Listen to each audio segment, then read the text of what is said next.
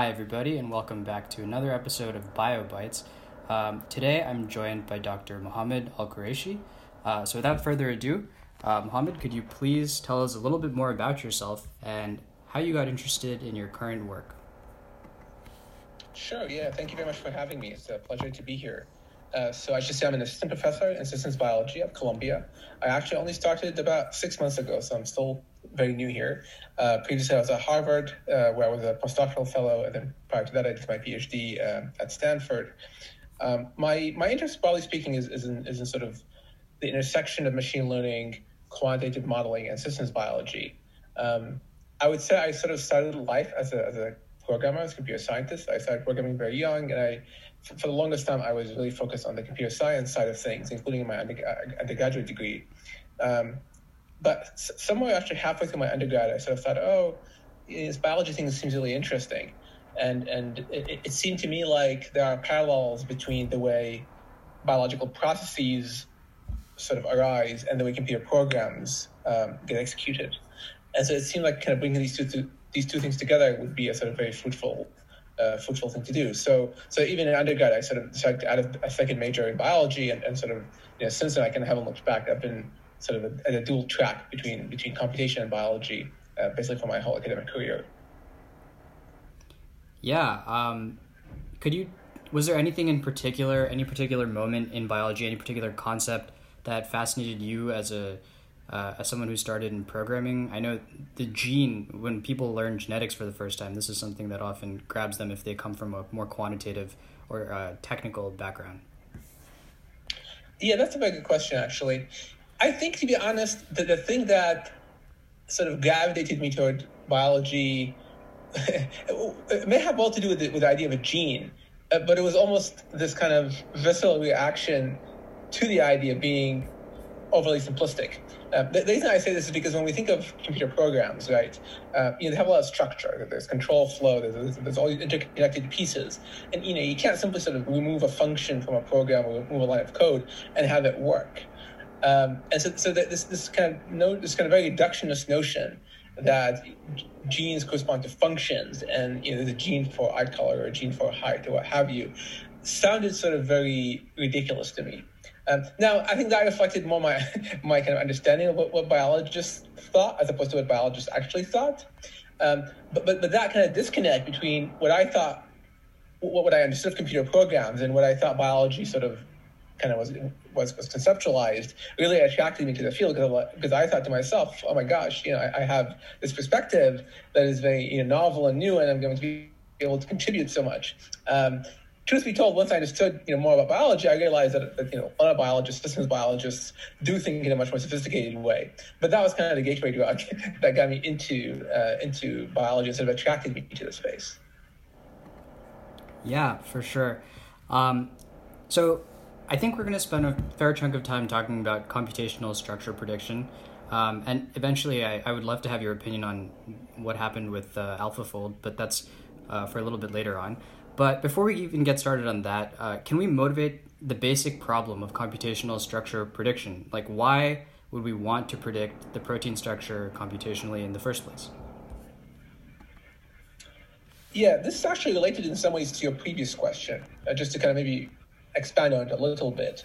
So, so once I started sort of learning more and more about biology, um, a, a, kind of recurring question that, that arose in my mind was what is the right kind of conceptualization of, of biology as computer programs, right? If, we want to take, take this idea pretty seriously, that biological programs are a bit like computer programs, we need some, some level of description, some, some sort of representation um, conceptual primitives, mathematical primitives that allow us to kind of reason about biology in a way that in a way that is sort of similar to how, how we reason about computer programs.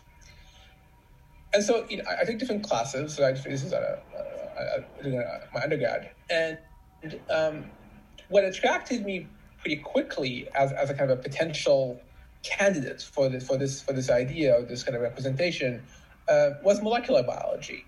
The, the, the idea that on some fundamental level, cells are made up of molecules, right? And that much of the phenomena that we observe, cellular phenomena, even organismal phenomena, is really a consequence of molecular interactions, of things coming together and sort of bumping into one another, and, and, and simply from that from that kind of chaotic soup, you end up with this sort of really interesting uh, richness and, and, diversity of life. So, it, you know, pretty naturally, then the, the, the consequence of that, you, you, start you start thinking about, all right, well, a structure of, of molecule like the lingua franca of, of biology, uh, what are kind of the key questions, and, and how can we how, how, can we begin to kind of formulate biology in terms of uh, structural primitives, in terms of molecular primitives? Um, and then pretty quickly, at least you know, 15 years ago or so, anyway, um, pretty quickly you you sort of at the time became apparent that kind of one of the great understanding questions in biochemistry and, and, and, molecular biology was this question of computational structure prediction because the structure of DNA is fairly straightforward, one could say. I mean, you know, not, really, but but in some some level.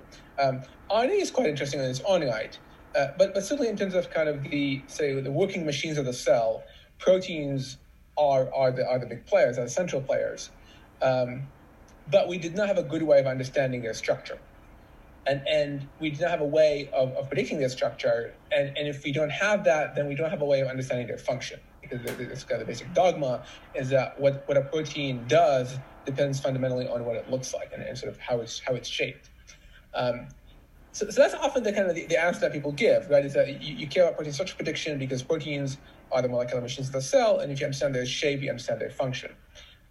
But but I you know fundamentally to me it, it's a bit more than that, right? Because it's it's it's it's this idea that if we want to formulate and ground biology in a very quantitative, almost physics-like type of um, foundation, then then structural biology is really kind of the key unlocking. Um, you know, so it's like the holy grail. So it's a piece that would allow us to do that. And so that, that's why I got interested in it, and why, why I think it's fundamentally important. Yeah. So the way you describe it sounds like structural biology would be that grand unifying piece, to use a loose analogy to, to what physicists are after. Yes, absolutely. Okay, so now that we've discussed the problem a little bit, uh, I think the next question is why hasn't it been solved yet, right? So, what and and uh, I think importantly, what would a solution? What does a solution look like? I think we all, when we think about computational structure prediction, might imagine a nice, you know, space-filled model that resembles something that uh, we saw in cryo-EM. But um, what what does it mean beyond that? Like, what is a good solution? Yeah, that's this is a, complicated question. Um, I, I, should say, I, I, think you know, ever since AlphaFold two, I, I, would not sort of outright say the problem has not been solved. You know, I think a, a chunk of the problem appears to have been solved, and, and, this this is a really seismic shift, right? This is uh, you know, going back to kind of my, my education. I I remember in my PhD, um, and I took a class on, on structural biology, and a section of that class was about structural prediction, and, and it was an incredibly kind of um, disheartening and a dissuading experience because it just sounded like uh, putting special prediction it seemed like a field that that you know careers go to sort of die right? People go in and they try to tackle this problem and just it was just a series of failures right? Um, so so this is a fairly apocalyptic kind of change that's happened in the last you know four months ago now i guess um, with, with AlphaFold 2 but they solved a part of the problem. They didn't solve the whole problem. So let me let me kind of step back and just answer your first question. Maybe we can kind of set down unpack it piece by piece. But, but your first question, I think, was you know why is it a hard problem? Well, it's a hard problem in, in, in, for several for several reasons. So, so first, from a combinatorial perspective, right? You have proteins that are usually you know in the order of anything from like hundred amino acid residues to thousands of amino acid residues, right? So think of a protein as essentially like a string, string of beads and you have you know anything from 100 to 1,000 or 10,000 beads even in some cases. Um, and each of these beads can be one of 20 things, right? So, so very quickly, this space of possibilities explodes. If you have 100 amino acids, that means you have 20 to the 100 possible sets of proteins, right? Uh, now, they don't. Not all of these fall onto a three-dimensional shape, but just in a very simplistic way, you actually have a very large space of sequences and and that kind of immediately implies a large space of structures, uh, not, not as large, but but large nonetheless. Um, and so any kind of really simplistic kind of pattern matching thing is going to have to sort of wrestle with that with that enormous complexity, right? Um, and at least for a very long time, the, people wouldn't even think about pattern matching. The way they were thinking about tackling this is is essentially through physics, right? To say, all right, well, we're gonna we're gonna start with something that looks like a, a sort of a, a, a, a curve in 3D space, a loop, like a, like literally like a string in 3D space, and then we're going to take that string that's very unwound, and then we're going to try to uh, follow the physics, so to speak, to get the lowest energy state, the energy state that is likely to correspond to what this protein uh, looks like inside of a cell. But because proteins are driven by physical forces that are fairly global, uh, so, so, so that is to say, you can't simply look at you know each amino acid independently, or you just look at the neighborhood of each amino acid and ask what's happening there. You really have to, to consider how every amino acid essentially inter- interacts with every other amino acid in the protein and because of the length of the protein, because of the number of amino acids that you could have, um, that again leads to this combinatorial explosion. Makes it very, very difficult computationally to simulate uh, the behavior of a protein because there's just so much going on. So it's, it's, it's in, some, in, in some fundamental sense, it's a computational problem. It becomes computationally very intensive to do this. Okay, all right. So I, I wanted to touch on the initial physics perspective that you mentioned. Um, so there's, I guess, simplistically two uh, characteristic geometric features of a protein. I in at least the way I'll simplistically describe it now. There's there's the backbone, right, and then there's also the way that the side chains interact. So, um, obviously, I think you're missing a lot if you just look at the backbone and try and fold it properly, but uh, if you ignore the backbone and you just look at it as a series of side chains, does that does that get you anywhere? Um, is this? I guess what I'm asking is, um, what has been tried with looking at, at, at side chains and trying to predict structure from there? So, so there's a lot. There's a lot to again to unpack here. Um, it's important to distinguish between what I would say is kind of the physical perspective and, and what I would call kind of the information or information theoretic perspective, not the theoretic, but information perspective. What I, what I mean by this is the following, guys. So, so if you're trying to build an algorithm that say maps the shape of the, the sequence of a protein to its shape, um, in some ways, different side chains. So the side chains correspond, I should say, to the to the parts of the, the amino acid that are different between one another, right? So we say there are 20 different amino acids. The the the, the the atoms that constitute their backbones are constant between those amino acids. But the, the atoms that constitute the side chains vary across tw- those 20 amino acids. And, and, that's, that's what makes each amino acid a distinct one uh, among the 20. Um, so, so from the perspective of, say, a computational algorithm, simply saying you, have an A and, and an R and an L, that's enough to essentially distinguish them. So, so there's nothing kind of inherent there about the, the, the, the kind of the structure of those amino acids. It's just simply it's just simply like an identity. It's a, it's a flag. It's a, right. Um, and for that perspective, you know, you, you could actually make, and, and, people have made, and arguably AlphaFold 2 from DeepMind has made a lot of progress, really without necessarily thinking about the side chains as a, as a physical quantity very explicitly. It's more like a, like I said, kind of an identity. Um, now the situation is quite different when, when you're trying to build a physical model, right? Because in a physical model, like like we just said, right, the things that actually vary between amino acids are the side chains. So in some ways, if you're considering two proteins of equal length, the only thing that is different between them are the side chains. Right? I mean, I mean, from a from a chemical perspective, in terms of the the, the, the atomic structure, right? Um, so if you sort of ignore the side chains, it's essentially almost like there's nothing there right? Um, so, so, you know, people speak of predicting the backbone, but but they, but they mean that. So there's a bit of a, a technical distinction here. When, when they say that they're predicting the backbone, it's not like they're ignoring the side chains. What they really instead mean is they're trying to, they're going to try to predict the atomic positions of the backbone atoms with a full knowledge of, of where the side chains are, into what the amino acids are that is seen as, as something of an easier, say, problem than the additional problem of predicting the, the actual positions of the atoms of the side chains, right? But, but in all those cases, what the side chains are is always there because if you don't have that, there's there's nothing to do essentially. Okay, yeah, that's. I think the differences is an important one to to clarify. So thank you. Um, I think one thing that you mentioned uh, a little while back was the idea of like of the the uh, you know the neighborhoods of amino acids, and it just got me thinking. Well, what the shortcomings of sort of a uh, I guess I don't know if recursive is the right word here, but we look at a small neighborhood, and then we look at how that neighborhood interacts with another neighborhood, and we just we just build our hierarchy from there. Um, so could you just uh, tell me a little bit more about why that solution um, is sort of insufficient of going from peptide fragments and building towards something um, more comprehensive? Yeah, I mean, it, it's not sort of completely hopeless. In fact, I mean, you know, in some ways, much of what people have done in the past very much relies on this idea. In fact, there's a, there's a process or, or, class of algorithms called fragment-based assembly, which almost essentially induces kind of inductive prior. They, they basically assume that you have kind of short fragments and that bigger fragments are constructed from those smaller ones, and you sort of proceed through a hierarchical process. Um, in fact, we even think that the physical process of folding may, at least in part, resemble this kind of hierarchy, where the, where the protein essentially starts acquiring well-defined structural elements in sort of various local patches, and then those come together to assemble the, the, the bigger picture.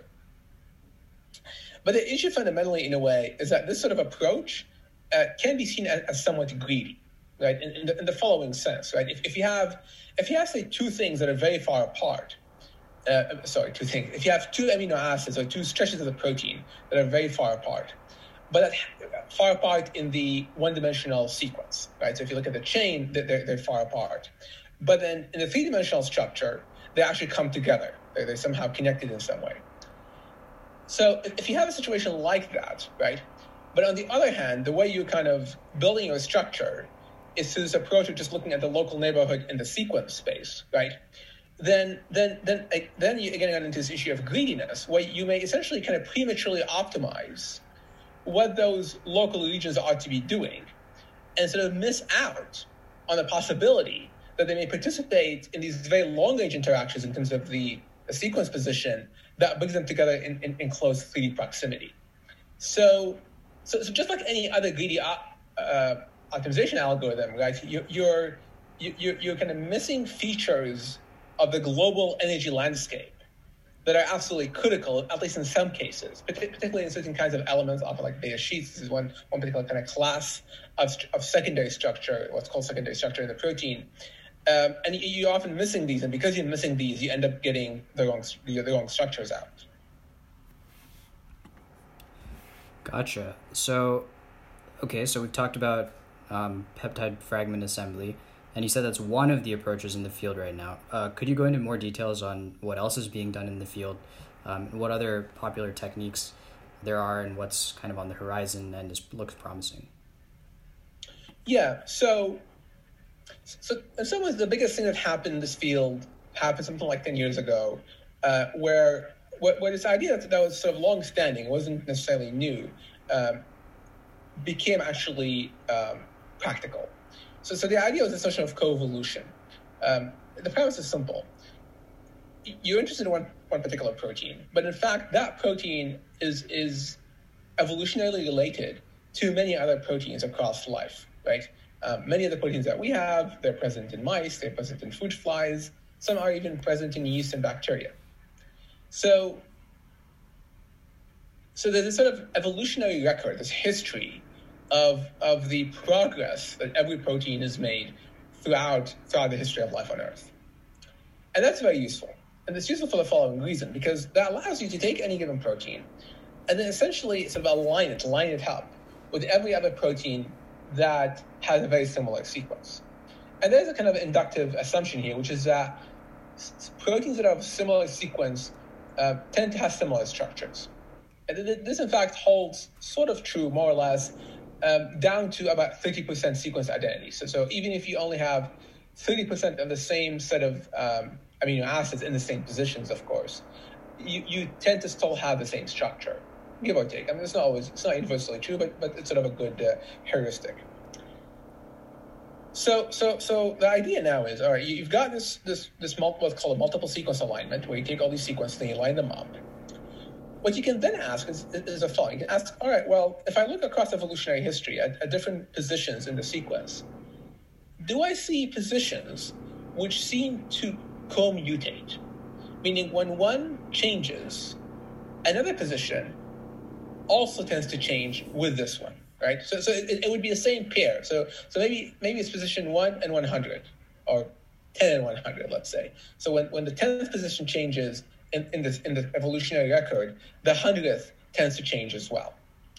If you see that, that is at least an indirect uh, piece of evidence that those two positions may be in close uh, spatial proximity. And the reason being is that if they if they were in close, if you go the other way around, right? If you go the, in the other direction of causality, if two positions were in close physical proximity, and one of them were to mutate, say you go from a, an amino acid that happens to have a small side chain to an amino acid that has a big side chain, suddenly there's a steric clash and the protein is destabilized. So, so the protein over evolutionary time would have to essentially mutate in a compensatory way so that the, the, the other residue, the other amino acid that is close to it, has to mutate to another to another amino acid with a small side chain so that they, so that they fit together, right? Um, now, this may be an indirect relationship, so that there, there's some math that has to go into making sure that what you observe in the evolutionary record really does correspond to actual physical contact. But, but, but that was a very powerful idea because we have a lot more protein sequences than we have structures. And the number of protein sequences um, is sort of going exponential, it's going super exponentially in a way. And, and so that allowed us suddenly to have this very powerful prism to really get uh, to, to, get a protein structure because because by by doing this sort of analysis you essentially um, induce constraints on the kind of spatial relationships that you expect to exist in your protein and then based on those you can then couple them to to say physics-based approaches. Um, and by coupling them you you substantially lower or, or shrink the space of uh, shapes that you have to consider. And when you do so you make the problem much more tractable. Uh, so, so this was kind of a key idea, and that was heard about maybe about ten years ago, really when it sort of became became powerful, and it sort of fundamentally changed the field. I would say. Um, other things happened since then that have been very important, uh, but but let, let, me let me stop here just to make sure you know I give you a chance to ask. But but but, but that, that wasn't all that's happened, but that was a key thing that's happened. Yeah, you know, I I was thinking about I was thinking about that intuition when I was sort of planning for this. Like, if you solve I don't know. There's many like let's think about maybe heat shock proteins for example. There's a whole family of proteins. If you solve the structure of one heat shock protein, that suddenly you know I feel like the computational load is suddenly reduced to essential differences between family members. Um, is that is that by and large true when you're talking about like different classes of proteins, different families of proteins? That the problem just becomes way easier after you solve, you know, one of the one of the family members? It, it is. It is. Um, it's a different type of idea than the one I just described, right? Because the idea you just mentioned really relies on the structure, uh, the I just said purely relies on sequence. Um, but but that is in fact your idea was in fact I would say essentially the, the only thing that worked prior to uh, prior to this co-evolution kind of revolution, if you may. Um, so so what people historically did, and then they still do too, till till now, even even DeepMind with their AlphaFold two method, um, they in fact look at the structures of homologous proteins. So if you have a structure that looks a lot like the one you're interested in, that's often a very good guess. That often significantly, like you like you suggested, constrains the space of possibilities. Um, there are still, you know, the problem is not solved then because often small changes can still change the structure, and oftentimes if you have a, a, a set of homologous structures, you, you, are interested in how they differ. So the problem kind of changes a little bit in terms of in terms of what the, bio, what the biological question is. Um, but but yes, it's absolutely a valid idea. It's an idea that is widely used. Okay, great. So we we're at so the coevolution uh, revolution happens, and methodologically, where do we head from there? How do we take advantage of that insight? Right. So so so people initially develop methods which which essentially um, look at these sort of pairwise couplings between between those residues, and then and then add them as constraints to fairly conventional physics-based approaches. Um, so so you say, kind of they take the old school methods, add this sort of pepper in this, these additional constraints, and then you get a more efficient machine essentially. However, that, that is not enough, right? For, for several reasons. Um, one reason is that often this, this, this kind of information extraction process is rather imperfect. Um, you, you may see residues that appear to be coupled, but they in fact aren't. Um, and, and, conversely, you may miss things that, that, that are coupled, but that, that, look like they're not. Um, so I would say kind of the, the big breakthrough happened around 2016 when um, one group came up with this idea that um, from, from, from University of Chicago, Jinbo Xu's group, uh, came up with this idea that, that we're going to essentially take all this machinery that's emerged in deep learning and machine learning and apply it to this problem. In particular, this idea, this idea of image segmentation, uh, where you, you're given an image and you're trying to essentially identify boundaries between different objects. You know, where is the face? Where is the, uh, the cup? Where is the hat? Where are the eyeglasses? And so on and so forth. Um, so, so, so this basic machinery was essentially applied more, more or less wholesale, without really any kind of um, without any modification, without without making it specialized in any meaningful way, but just taking this machine and applying it to this problem of saying, okay, I'm going to go from sort of the, the raw inputs that I extract from this co-evolutionary analysis, and instead of assuming that these inputs are good enough to constrain the search space, I'm going to feed them through a series of, of neural networks uh, to predict a new set of constraints that are uh, that are much more likely to be correct. And, and then I'm going to train this using real structures. So, so this kind of begins to uh, sort of incorporate some of your ideas because now we're not only going to use sequence information, we're going to use structure information and combine the two things to essentially have a, a neural network that filters or denoises or enhances the signal of the co-evolutionary data. Uh, so it's a combination of what I call unsupervised methods in terms of the uh, the sequence learning, the co-evolutionary piece, and then supervised learning in terms of the structure, uh, the structure kind of denoising piece. And, and, that was a key key development. That suddenly improved the, the, the, the um, accuracy of these methods quite substantially. Um, this was followed up, I, I would say, arguably by AlphaFold 1, the first method from DeepMind, which used the same idea that what I just said, but refines it a little bit. It used better neural networks, um, used was predicting kind of information at, at, a higher resolution. It wasn't simply predicting whether two things, two amino acids are close or not. It was actually trying to predict their distance. So it was making more precise predictions. Um, but, it, but it sort of held the same general idea. It, it did that and then fed this kind of information to a procedure that mimics physics-based approaches in the sense that it, it provides it with all these geometric constraints that then allows it to, to fold a protein. Um, so that, that I would say was kind of the second key step. And, and that, that significantly improved things. You know, it sort of maybe, maybe kind of solved something like a third of the problem.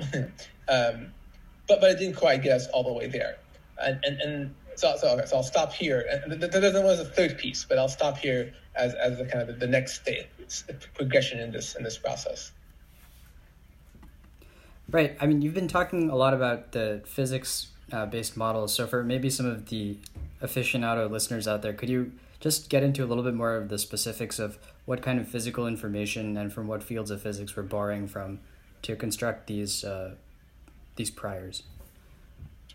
Right, right. Um, so I would say it's, it's, you know essentially chemistry in, in a way. Um, so so what people do is they construct these things called force fields, and these force fields essentially encode um, sort of our collective knowledge about protein chemistry and protein biophysics, right? So we, we understand, for example, that much of what drives the folding process is this idea of hydrophobicity, right? So, so proteins are essentially, uh, you know, certain residues are hydrophilic, they like to be near waters. Certain residues are hydrophobic, they like to be away from waters, uh, water molecules. And so, so that very quickly sort of creates this, this incentive for the protein, essentially, it's this energy incentive for it to kind of bury all the pieces of it, of it that are hydrophobic inside inside, and then expose all the pieces that are hydrophilic to the to the solution, to the water solution. Uh, that's that's one driving force. Electrostatic, the fact that we have coulombic repulsion, um, that's yet another um, uh, driving force. Van der Waals, another driving force. So, so what you essentially end up doing is you build up this equation that typically, you know, it tries to capture the energy of a given configuration of the protein. So if you take out amino acids, you put them in different positions, and you then ask it, essentially, how happy are you in this configuration? Um, and then, and then the, the kind of the, the, the basic premise of the physics-based approach is you assume this energy model is pretty correct, and then you sample different configurations of the protein, different geometric orientations, and then you, you ask, which is better, the one I had before or the one I have now? And if the one you have now is better, then you, then you sort of move to it. And then you keep doing this process, you keep sampling and moving until you get to a point where your energy, energy function uh, seems to be pretty happy and you can't sort of minimize it any further. Um, and, and, and that's, that's sort of essentially how these physics-based approaches work. And so computationally, you're just doing some kind of gradient descent over all the variables that you mentioned to optimize that? So a gradient, gradient descent can be a component of this, but the, the kind of most general approach doesn't just rely on, on gradient descent because there again you would very quickly uh, get stuck into a local minima because because the landscape is extremely rugged here. Uh, so you, are usually doing something more sophisticated. You're doing sampling approaches that that allow you to get out of local minima, that sort of bounce you out of them. And so, but but that commensurately makes the sampling problem much more difficult. So, so you, you can't just simply kind of walk down a, a, a smooth gradient. You really have to keep sampling and sampling and sampling. Um, in this regard, I would say the first AlphaFold did make an important contribution, conceptual contribution as well, in the sense that what they essentially managed to do beyond simply kind of generating these additional constraints or what have you, is that they were able to actually take these constraints and really convert them into a new energy landscape that was very smooth. And what that in turn implied or allowed us to do um, is, is, in fact, what you just said. It sort of allowed one to, instead of, um, instead of doing all the sampling with this complicated uh, procedure, you could just simply walk down the gradient. You could, you could essentially just do gradient descent on this predicted smooth energy uh, landscape and if you do that, you actually got decent structure. Not not perfect, know, they still had many, many problems back then, but they were a lot better than what had existed before. So, so, so that was one of the important contributions that actually enabled what you just suggested to be a possibility. So that suggests to me that they're making some kind of assumptions or using some kind of information that allows them to create a very nice, like, sort of convexity uh, in this energy landscape. Uh, is that true? Are there certain assumptions that you can make and things that you can discard to achieve a more uh, convex shape to optimize on? Is that is that like a goal of uh, structure prediction at all? Right, right. So that's actually a very interesting and, and, and, deep question. Um, so I, I will answer it in two parts because, because, because a lot a lot there's a lot to this. Um, my expectation, and I, and I think the DeepMind team would, would agree, is that the way they sort of set out to to uh, build AlphaFold One um, did not have this idea or this intention in mind whatsoever. Uh, and in fact, you know, the, the, first approaches they tried, even, even when they built out this kind of network that they did, had nothing to do uh, with this idea that we're going to end up with a smooth potential that we can just simply optimize. Um, and this is reflected in the fact that the initial approaches took their predictions and then again coupled them to these very complex sampling procedures.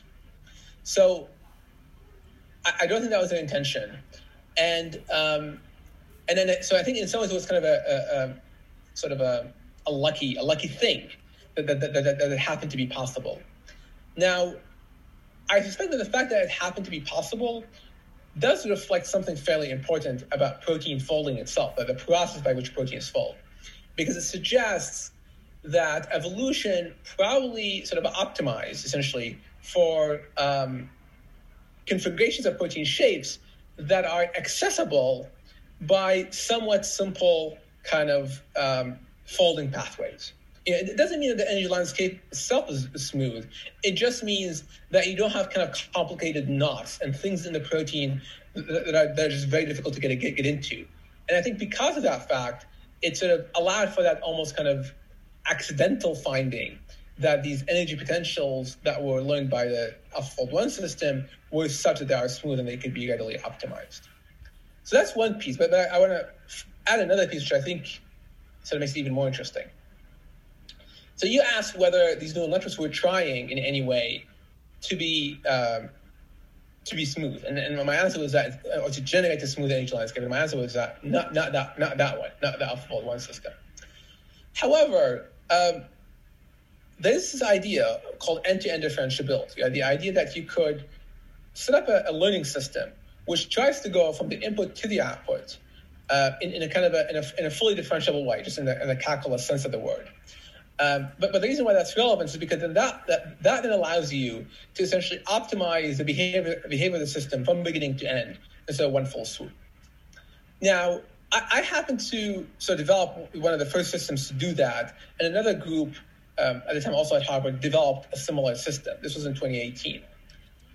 And implicitly, a key idea, a key feature, let's say, of this sort of approach, right, is the following so you are you are making the system end-to-end differentiable, which means you're generating by the end of the process the, the actual three-dimensional structure of the protein. That means that this model, this neural network, has to learn to whatever is needed to essentially get it to that to that final final three-dimensional structure. So that implicitly encourages the model to actually build something like a smooth landscape. Because if it doesn't build that landscape, it itself will have a hard time getting to the final three dimensional structure. In the system I built, this was all done implicitly. There was nothing direct about it.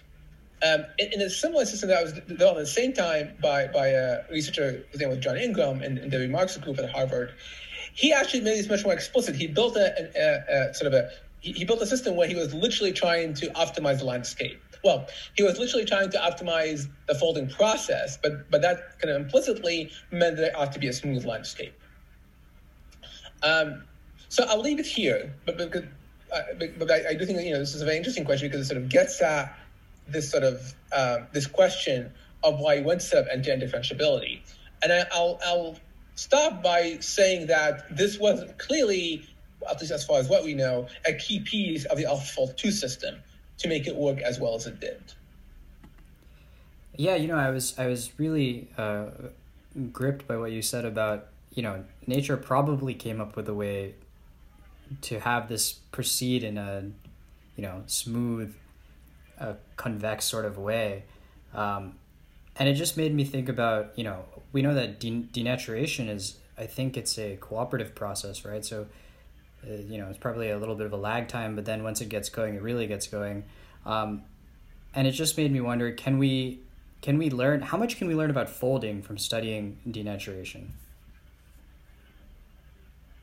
I think potentially quite a bit. Um, and then I think you know there's been a lot of studies with things like um, um, AFMs, but also these sort of optical tweezers, where people essentially sort of you know they've got they've got two latches in the protein and they kind of pull it apart and, and they see how it essentially denatures and renatures, if, if you may. Uh, and there's certainly been quite a bit of work um, in the molecular dynamics space trying to do that computationally, essentially trying to understand how it comes together and, and it doesn't come, you know, it comes apart. The challenge there on the experimental side, at least, is that these are difficult experiments to do, and um, and it's been difficult to, at least till now, I, I, anyway, it's been difficult to sort of use that that knowledge to really make effective protein structure prediction systems. So, so at least in a very explicit way. I mean, what what we've discovered in a way that that you could make use of that knowledge, but in this very kind of high level meta, um, sort of uh, almost like a soft constraint. Uh, so it's, it's really almost like a conceptual constraint. We can make use of it in that way. Uh, but, but making use of it, making use of it in a more precise way based on say experiments coming from the denaturation studies, that at least so far hasn't really kind of been, been possible. Um, partly because I suspect there isn't enough experimental data, and partly because, because we just haven't figured out a way to really in, to really incorporate that information in a very sort of detailed way. Got it. Yeah. Um, you know, a, just a few minutes ago, we were talking about how you know, you mentioned the first piece, which is the um, coevolution revolution, and then this second piece, which is in, in integrating these physical priors with the neural networks. And we talked about um, end-to-end differentiability here. And one thing that I've you know just been thinking along this whole way is there's is is the like labeled validation set is is that ever a, a constraint because i feel like you need to teach your model that it's right somehow but there's only so many proteins that we've solved structures of um, and there's only so many um, uh, peptide uh, primary sequence analogs out there that we can compare to. Um, so and maybe you can maybe you can explain this and then take us into the third piece that you were talking about. Um, how are we is this a wall first of all and how are we climbing over it or getting around it? No absolutely it's a wall. That, that that's that's in some ways been the i would say the the, the outstanding challenge of the field. And i suspect if we had something on the order of say 10 times more structures we could have probably solved this problem quite a while ago with, with much simpler approaches so it, it's certainly been a bottleneck and, and the kind of the, the semi simple minded approaches we've been discussing um, ran into this problem fundamentally, right? And, and until until today, you know, I, I said one can can consider the two method as a, as a form of solution.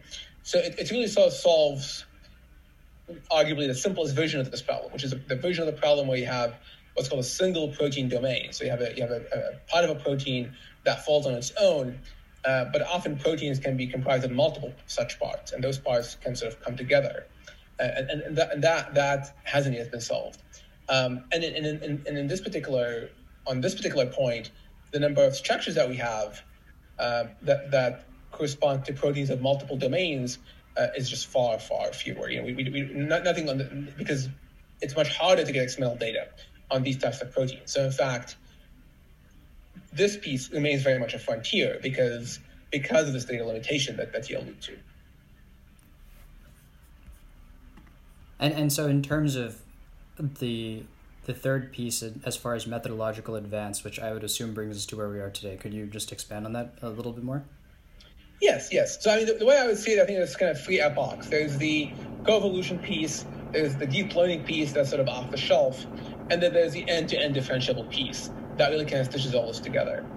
Now, what's so the the, kind of, the first cracks at the end-to-end differential piece were sort of what you call like an alpha version or whatever, right? They, they, they, they had the right idea, but in some ways didn't really make use of all that's available to them. And that includes the work that I, that I myself uh, uh, did. What, what turned out to be kind of a key piece really to making this working and what, what, what seems to kind of power the AlphaFold 2 system, which is which is the thing that DeepMind developed and which, like I said, essentially solves the problem for single protein domains. So, so these kind of self uh, self-assembling pieces of a protein um, the, the, key thing to making that work was to really exploit all the data that you have in a way. And, and so not just the structural data, but also the sequence data. So, so going back to the idea of coevolution, right? This is where, where we started with in the very beginning. Um, with coevolution, you're kind of making this, this simplifying assumption or this kind of coarse graining where you're saying, all right, I'm, I'm going to look at pairs of residues, pairs of amino acids, and ask, how do they co-evolve, right? and essentially all the methodology that existed up to AlphaFold 2 with some with some minor exceptions basically worked on this premise, including AlphaFold 1. What AlphaFold 2 did, which, which I think was most important kind of difference, is they didn't simply take a multiple sequence alignment and then summarize it down into these pairwise couplings, and then said, all right, what can we learn from this from this uh, set of pairwise couplings? Instead, they simply said, all right, we'll just keep the multiple alignment, multiple sequence alignment as it is. We'll, we'll keep the whole thing, this, this massive object. And then we're simply going to ask the model to operate directly on this object and try to induce a structure in an end-to-end differentiable manner from this multiple sequence alignment as a raw object. So we're going to task this neural network with, with learning on its own the concept of coevolution implicitly it's likely to do that, and we think it's done that, or they think it's done that. Um, but we're also going to allow it, empower it to learn other things. Right? We could potentially learn things like phylogeny, right? How, how you know how do how do how do proteins kind of relate of evolutionary history as an as an entire entity? They could potentially learn higher order correlations, not just pairs of things, but triplets or quadruplets or quintuplets and so on and so forth. And and so, so that's one piece, right? Is you sort of operating in this kind of much more um, much more flexible way where you, where, where you where your fundamental data structure is much richer and have a lot more information. That's one piece. The other piece is that you know going back to this idea of of local versus global, the the kind of the neural network architectures that they used reflected the global nature of the protein. So in this part, this was sort of maybe less of a, of a conceptual breakthrough because I think people are already kind of realizing this makes sense. Uh, but, but, but it's, a, sort of a technical detail, but a, a, crucial technical detail. And that is, we're going to, you know, we use what are called transformer architectures, which are essentially sort of fully distributed, fully global. They have, they, they give no preference to two residues or two amino acids being in close proximity along the protein chain. They treat amino acids that are a thousand amino acids apart or two amino acids apart as essentially um, on equal footing. And, and by doing that, they really allow the kind of global aspect of the protein to come to the fore. And then I suspect was, was, was that, along with the other thing, I just mentioned that the kind of the, the, the raw multiple sequence alignment piece, those were I suspect the kind of the key things that really allow the method to uh, to both leapfrog the competition, but also to, to essentially come you know, within striking distance of at least low resolution experimental methods. Yeah, so we've we've spent a fair amount of time talking about uh, computational structure prediction, but I wanted to talk about something that I, I believe you're working on right now, also, which is uh, computational uh, ligand interaction prediction. Um, and so the first question I had, uh, just thinking about this, was um, when a protein interacts with a ligand, uh, can we borrow some kind of intuition from manifold learning and, and think that there is an essential set of interactions that's maybe a lower dimension that we can that we can capture to use to predict the the behavior. Um, so yeah i guess let's just start there. Is there an essential set of interactions that we can capture that tells us something useful? Yes i think so. I mean i, I think the principle of sort of lower dimensional manifolds uh, existing in these kind of what are sort of naively higher dimensional spaces is, is a very powerful one. Essentially, in any class of, of modeling of natural phenomena, really. Um, and, and I, am certainly thinking it's applicable in the case of protein structure itself, and, and likely the case with protein protein interactions or protein ligand interactions. Um, in, in, particular, I mean, what's interesting about protein protein interactions, I think, or, or just say protein X interactions, is that you sort of it's a bit like you know if, you, if you're a scientist it's such of an api of an application programming interface right? Where you're you're as a, as a piece of software you sort of present to the world um, kind of a public interface with which other programs or even people can can, can interact right? Um, irrespective of sort of the underlying mechanisms underneath right? You could have you sort of decouple the, the guts from the from the from the surface. And, and i suspect proteins have to do something a bit like this, right? Because if you're, you know, if there's already a pre-existing system of interacting proteins doing all sorts of interesting things among themselves, and then you're, you're sort of a new budding protein, you're, you're, you know, you're a virus, and that's trying to kind of essentially um, evolve to to infect a human cell, right? Like a like the spike protein in, in SARS-CoV-2. You have to sort of play nice with the existing repertoire of protein surfaces, right? Because they, they, they're already there, they're already pre-existing. So you can't just sort of go crazy and say, I'm going to do whatever I want. You, you have to be able to play and interact and interface with all these existing things. And so, so that immediately, I think, kind of constrains the space of, say, interaction primitives to, to, a, to a much smaller one than, say, like the possible space of all interaction primitives. Um, and, and that, that is both, I think, kind of an, a really interesting biological fact or at least hypothesis. And, and it's also kind of a, an inductive prior that allows us to build machine learning models that are, that are more data efficient, that are able to, to, to learn better from limited data.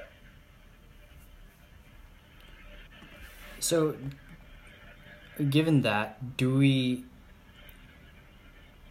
does an understanding of the auxiliary features that are maybe not as important improve from a practical standpoint the the interpret the interpretation of the result for this model, um, or are those you know uh, non I said like non What do you mean by auxiliary?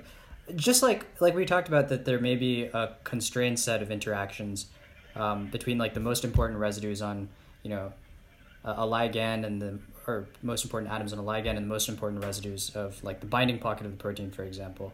So just thinking about everything that's not those most important uh, most important uh, interacting pieces, is there anything to be gained from from expanding and, and, and and considering those things in the interaction, or do you think we can learn all we need to learn just from those essential pieces? No, no, that's a good question, and and um, I think the answer is is, is, is, it, very much pays to learn those so-called auxiliary interactions, if you may. Um, so it's a bit tricky, right? And it's, it's, it's something which is, I think, maybe somewhat peculiar to, to evolutionary processes, to things that have, that have arisen into kind of an organic process of evolution, which is that they may behave in this sort of idealized fashion that I described previously, right? Where you're you're developing an API and you're trying to kind of, you know, you're trying to interact with, with all these existing players in the system and so on. I think that's still true. But at the same time, there's also a sort of um, analogy to software, there's a sort of a, an ad hoc process of building hacks, right? And, and, and, evolution is sort of the master hacker, just it's full of hacks. Uh, and what this translates to in this context is that, you know, say, say you're getting a new protein, your spike, and you've, you've you know, you've, your first immersion bats, and, and you sort of work, but sort of don't work, right? Um, but then over time, right, once once you sort of once you've kind of cracked that first key piece, once you're able to sort of address or, or participate in your primary function, then that sets up a kind of an evolutionary trajectory where you could evolve and fine tune more and more to become you know, supremely sort of efficient and and and and uh, tuned to what it is you're trying to achieve, right? And that process can be can, can utilize whatever is available to the protein, including you know what you call auxiliary reactions, all these sort of other things that might have not that might not that might have nothing to do with kind of the course of the interaction, but that enable the protein to behave in the way it wants. And, and that's very, you know, from, from, from the perspective of us human modelers trying to kind of sit and understand these things, it's sort of very frustrating, right? Because it, it, it makes it hard. It, it, it, it, sort of it, it detracts from this kind of very ideal picture and, and, and forces us kind of to, to sort of wrestle with all these kludges that, that, that evolution kind of throws at us. Uh, but it, it very much is part and parcel of biology. Okay, so in light of everything that we've uh, that we've discussed today, as we sort of come to a, a close, uh, could you tell us a little bit more about what's going on in your lab? Um, what projects you, are uh, most excited about, which I'd imagine are all of them, uh, and what a new member of your lab might expect uh, should they be joining uh, your pursuit? Yes, that's uh, that's a great question. Thank you. Um, so let's see. There's quite a bit. I mean, our lab works essentially sort of in two main areas. One one is, is very much along the lines we've been discussing today. So, um, using machine learning to develop molecular models that can predict protein structure. And in this context now, you know, post AlphaFold 2, we're looking at the new frontiers, right? So multi-domain proteins proteins that change due to mutations or change shape, I mean, due to mutations, um, or proteins that interact with other proteins. So some multi-protein complexes, and can we can we predict the, sh- the, structure and shape of those complexes? That's that's one area. Dynamics is another, right? So, so proteins are not static objects; they move, and being able to move, to model those dynamics is actually quite critical to predicting their function. So initially, this this whole discussion is, is sort of in a bit, bit make believe because structure on its own doesn't quite determine function. It's really structure and motion that determines function. And that's that's sort of a key next frontier. Um, and then things like protein-protein interactions, protein-DNA interactions, protein-small molecule interactions, those are all really key, both for understanding how uh, how biology emerges, you know, I started in the very beginning saying it's not about molecules, it's about molecular interactions. And so it's, it's, in, it's in the space of interactions where we really see interesting phenomena. And so that's, that's, that's also all key. So it's, it's, it's a general class of things having to do with developing machine learning tools for, uh, for molecular biology. The other half of the group really is more about, in some ways, basic biological questions in the systems context. So saying, okay, now that we have these tools, can we use them to understand how biology is organized? So can we understand how signaling networks are organized? How information is, is flowing through the cell? How information is, is um, dysregulated, say, in disease, in cancer, for example, because we know many, many many diseases are essentially diseases of dysregulation of signaling networks. Uh, so, so it's really about taking these kind of machine learning tools and then applying them, applying them in a quantitative way to understand emergent phenomenon at the level of, of cellular behavior, essentially. Um, yeah. I have to ask about the dynamics. You know, it seems like very like how do we rationally discover and model dynamics without having a complete picture of, of structure? Is it something that we can do with incomplete information? Um, I mean, you're doing it, so it sounds like it's possible. So I was just wondering how you um, how you address incom- sometimes incomplete structural information in modeling dynamics.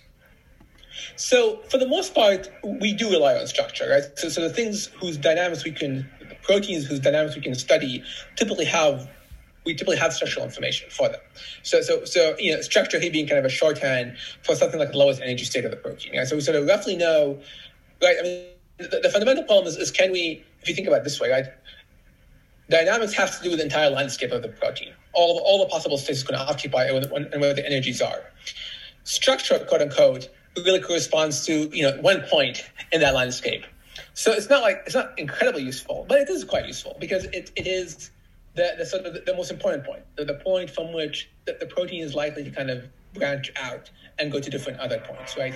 And so generally speaking, we do have that. And, and, and in, the, in the protein data bank, there's about 100,000 protein structures. So it isn't like we don't have that many. Um, and with, with potentially AlphaFold 2 now and, and other methods, if we're able to predict structures much more, much more reliably, then that be- becomes a sort of starting point for studying protein dynamics. So, so that, that I think is quite exciting. Um, having said that, I mean, it is possible in a very coarse-grained way to at least say identify how many metastable states a protein can take, the dwelling time between those uh, of those states, what are the transition probabilities between different states, without necessarily having a very detailed structural picture. You know, there are experiments you know, a bit like the stuff we're talking about, the optical tweezers and so on, which sort of give you some sense of, all right, you know, this protein only has like three different states that it likes to sit in or something like that. So it's not completely impossible physics-mentally. Uh, but at least in my group, and, and I think a large fraction of the community, uh, we study dynamics, you know, sort of on top of structure. Okay, that was that was all the questions I, I had for today. So um, it was really wonderful having you with us, Dr. Mohammed AlQuraishi. Thank you so much for joining us.